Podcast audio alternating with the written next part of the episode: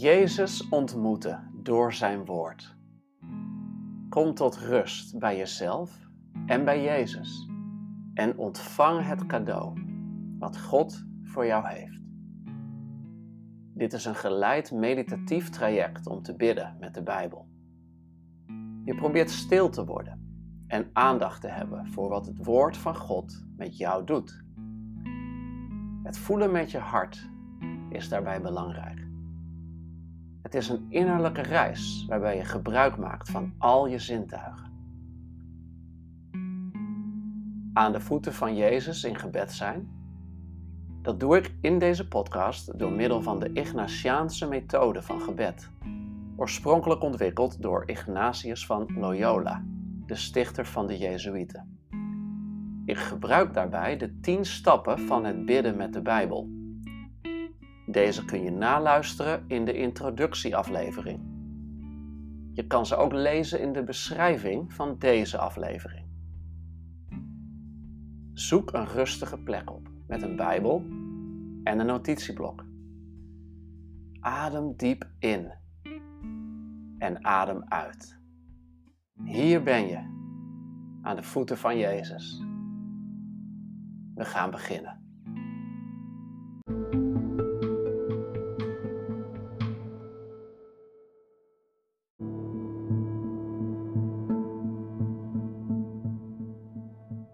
Het onderwerp van vandaag is in de gunst bij God en mensen. En ik lees uit Lucas 2 vanaf vers 39.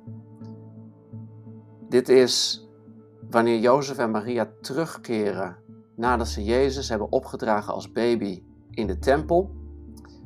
En is het enige eigenlijk wat over de eerste twaalf jaar van zijn leven verder is gezegd en geschreven. Laten we lezen. Toen ze alles overeenkomstig de wet van de Heer hadden gedaan, keerden ze terug naar Galilea, naar hun woonplaats Nazareth. Het kind groeide op, werd sterk en was begiftigd met wijsheid. Gods genade rustte op hem. Zijn ouders gingen jaarlijks voor het Pesachfeest naar Jeruzalem. Toen Jezus twaalf jaar was, maakten ze weer hun gebruikelijke pilgrimstocht. Na afloop van het feest vertrokken ze naar huis. Maar Jezus bleef in Jeruzalem achter, zonder dat zijn ouders het wisten. In de veronderstelling dat hij zich bij het reisgezelschap bevond, reisden ze een hele dag voordat ze hem overal onder hun verwanten en bekenden begonnen te zoeken. Toen ze hem niet vonden, keerden ze terug naar Jeruzalem om hem daar te zoeken. Na drie dagen vonden ze hem in de tempel, waar hij tussen de leraren zat, terwijl hij naar hen luisterde en hun vragen stelde. Alle die hem hoorden stonden versteld van zijn inzicht en zijn antwoorden. Toen zijn ouders hem zagen, waren ze ontzet. En zijn moeder zei tegen hem: Kind, wat heb je ons aangedaan? Je vader en ik hebben met angst in het hart naar je gezocht. Maar hij zei tegen hen: Waarom hebt u naar me gezocht? Wist u niet dat ik in het huis van mijn vader moest zijn? Maar ze begrepen niet wat hij tegen hen zei. Hij reisde met hen terug naar Nazareth en was hun voortaan gehoorzaam. Zijn moeder sloot alles wat er met hem gebeurd was in haar hart. Jezus groeide verder op en zijn wijsheid nam nog toe. Hij kwam steeds meer in de gunst bij God en de mensen. Daar stoppen we voor vandaag met de lezing. Je kan zometeen in je eigen Bijbelvertaling dit nogmaals lezen. Lucas 2, vers 39 tot 52. Ik las uit de NBV vertaling. En maak vervolgens gebruik van de 10 stappen van het bidden met de Bijbel. Die stappen kun je nalezen in de beschrijving van deze aflevering en je kunt ze ook beluisteren in de introductieaflevering. Dat is de allereerste aflevering van deze podcast. En gebruik die tien stappen terwijl jij gaat bidden met de Bijbel, met dit tekstgedeelte. En ontvang het cadeau dat God voor jou heeft. Zometeen mag je dus deze podcast pauzeren en zelf een moment nemen met deze tekst aan de voeten van Jezus. Ik zal deze podcast een aantal seconden laten doorlopen. Jij hebt dan de gelegenheid om dit te pauzeren en dat moment te nemen. En op een later moment weer terug te keren naar deze podcast. En dan zal ik ook met jou delen wat ik van God ontving toen ik aan de voeten van Jezus zat en deze tekst las. Tot zometeen.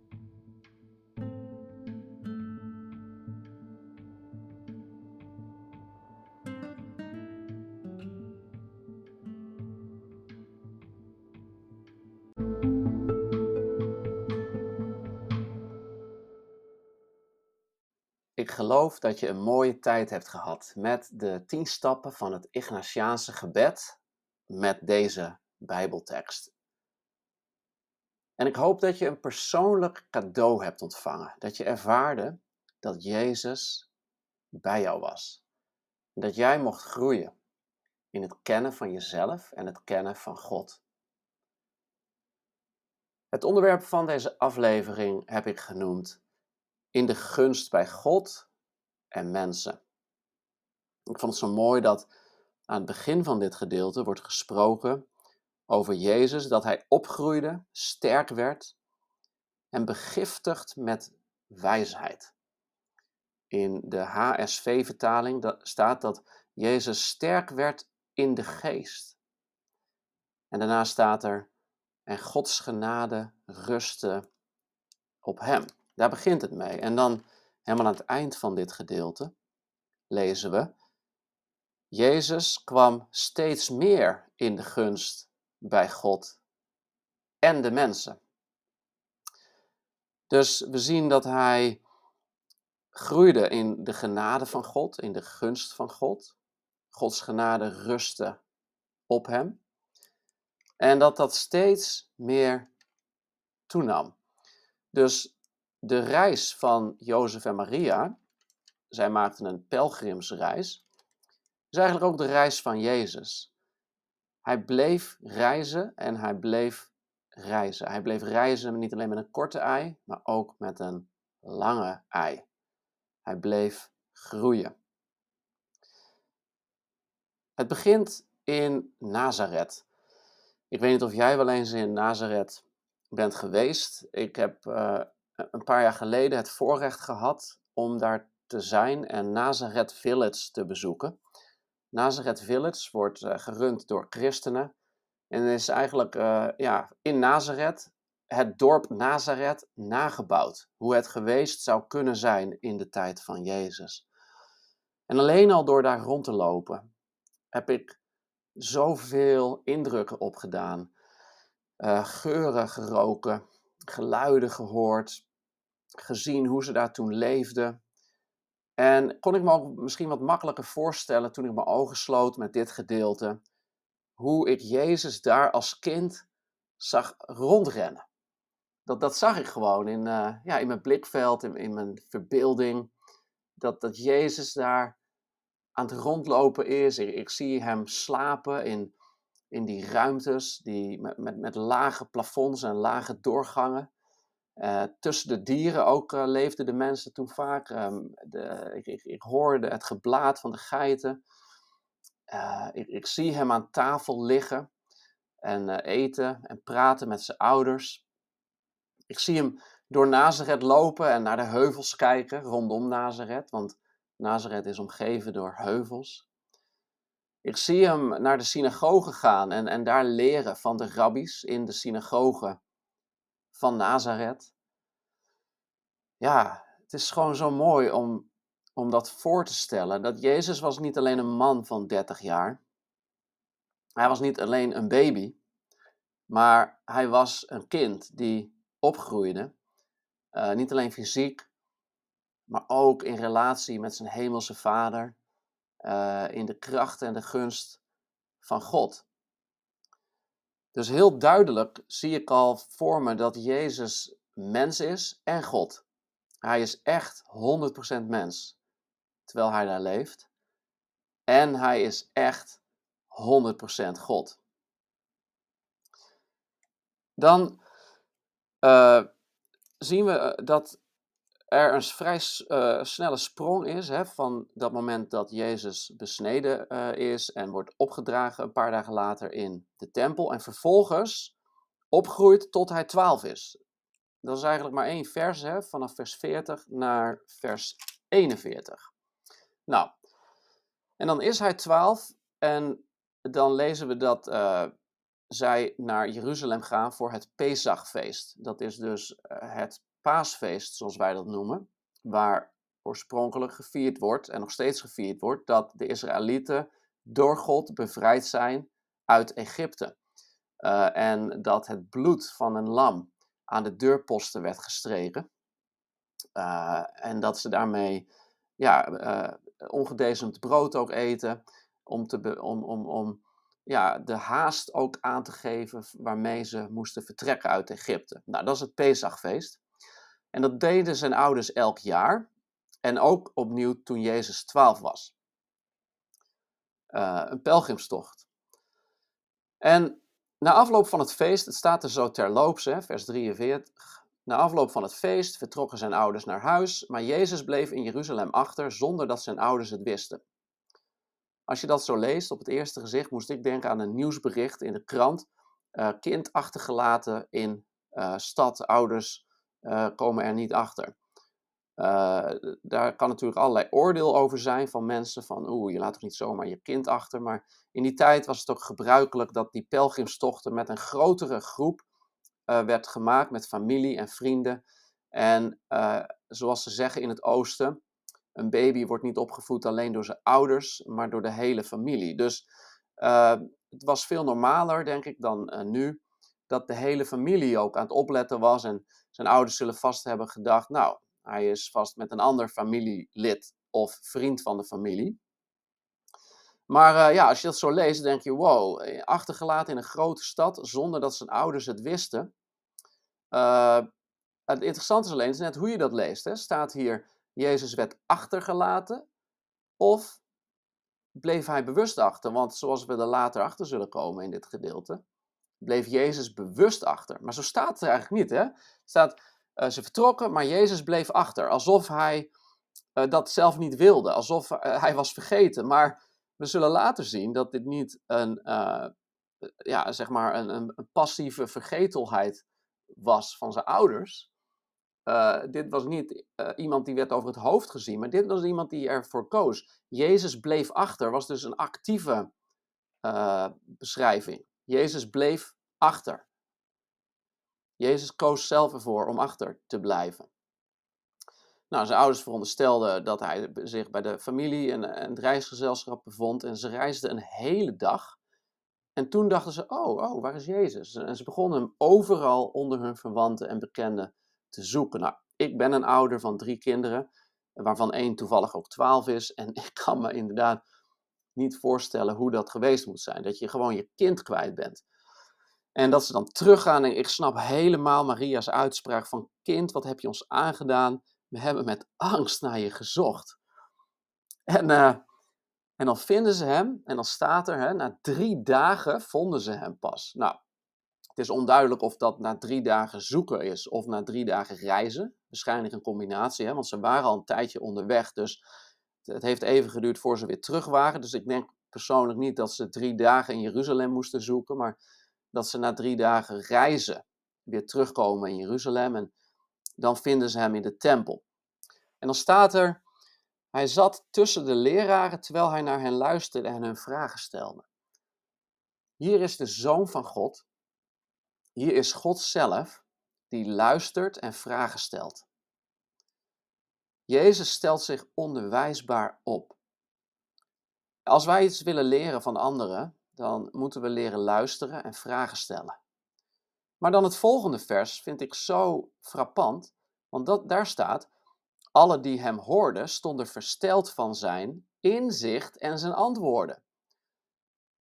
Dus Er wordt over Jezus gezegd dat hij luisterde en vragen stelde, maar blijkbaar waren die vragen zo goed dat er inzicht en antwoorden in verpakt zaten. Dus valt je dat ook op? Hij luisterde, hij stelde vragen, maar de mensen stonden versteld van zijn inzicht en zijn antwoorden. Niet alleen van zijn vragen. Dus blijkbaar gaf hij ook antwoord. En gaf hij ook inzicht, misschien wel op zijn eigen vragen. Of misschien wel in antwoord op wat zij aan hem vroegen. Vind ik zo mooi dat er ook ruimte voor was, blijkbaar. Dat een kind van 12 die gelegenheid kreeg. En Jezus liet hier maar heel duidelijk zien dat er een nieuw seizoen aan zat te komen in zijn leven. Een seizoen van onafhankelijkheid van zijn ouders en van volwassenheid. Nou is het in het Joodse geloof gebruikelijk om een bar mitzwa te vieren wanneer een jongen 13 wordt. En dan wordt hij uh, beschouwd als jongvolwassen met eigen verantwoordelijkheden. En er is er een loskoppeling en een vrijzetting door de ouders. Maar Jezus is hier nog geen 13. Dus daar had ik eigenlijk een vraag over toen ik hierover nadacht in gebed. Hoe zit dat nou? Hè? Het zou logischer zijn geweest als Jezus dit had gedaan een jaar later, toen hij 13 was. Maar hij doet dit wanneer hij 12 is.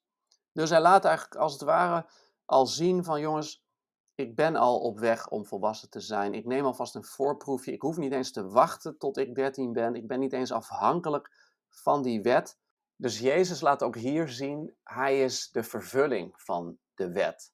En ook de mens is er niet voor de wet of om de wet te dienen, maar de wet is er voor de mens. Zoals hij ook later zou zeggen, de mens is er niet voor de Sabbat, maar de Sabbat is er voor de mens.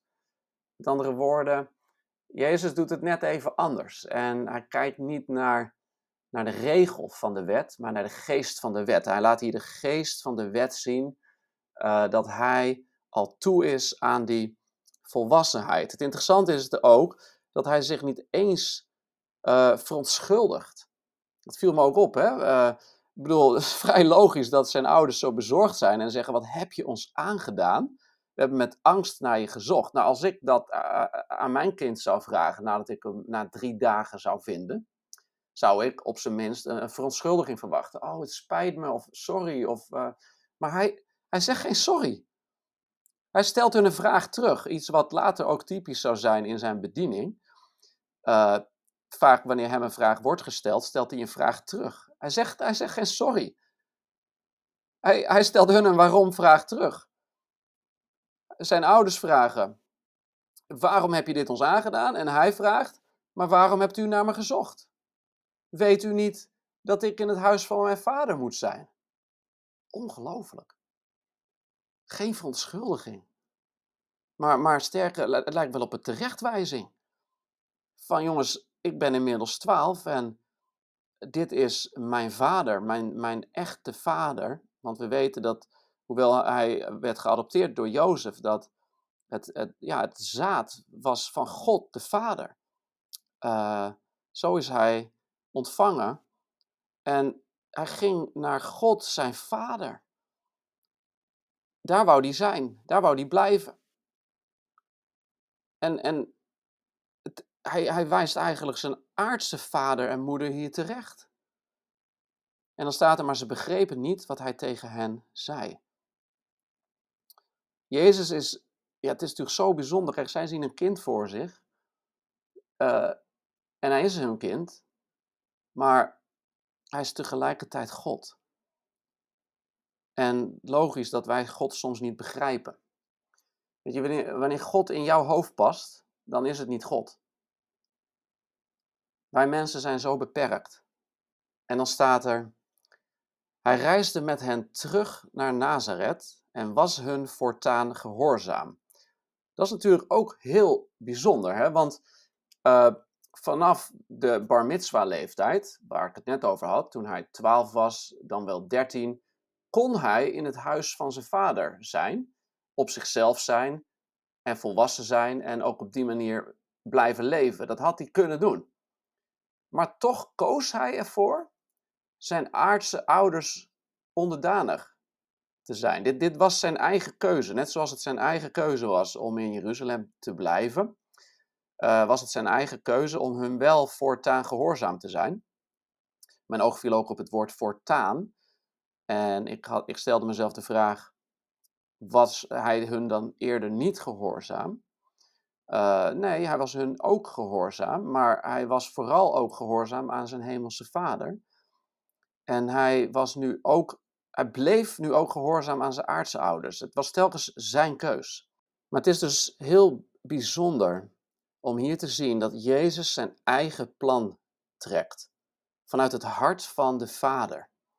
En, en dan lezen we, Jezus groeide verder op en zijn wijsheid nam nog toe. Hij kwam steeds meer in de gunst bij God en de mensen. Eerder lazen we Gods genade rustte op hem. En nu lezen we, hij komt steeds meer in de gunst bij God en de mensen. En, en in beide gevallen zie je heel duidelijk dat, uh, dat er een, een rust is. Hè? Gods genade rust op Jezus. Gods genade drijft hem niet of uh, uh, stresst hem niet, maar het, het rust op hem. En je ziet ook dat er een begiftiging is.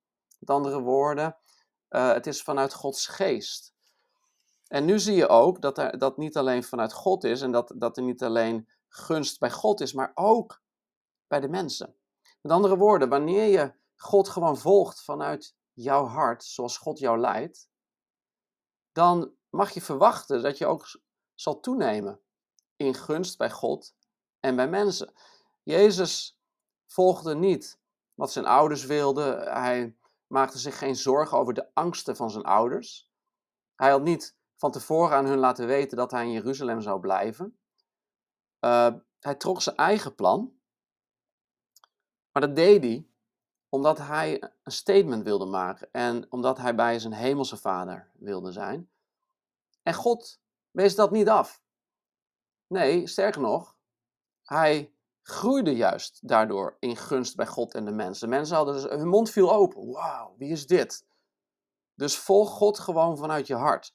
Ook al uh, maakt het, ja, uh, although it makes no sense wil ik zeggen in het Engels, maar hoe zeg je dat in het Nederlands? Ook al, ook al lijkt het uh, niet te kloppen. Ook, ook al lijkt het raar wat je doet, hè? volg God vanuit je hart. Hij zal je leiden en ook jij mag toenemen in de gunst bij God en bij de mensen. Wil jij dat ook?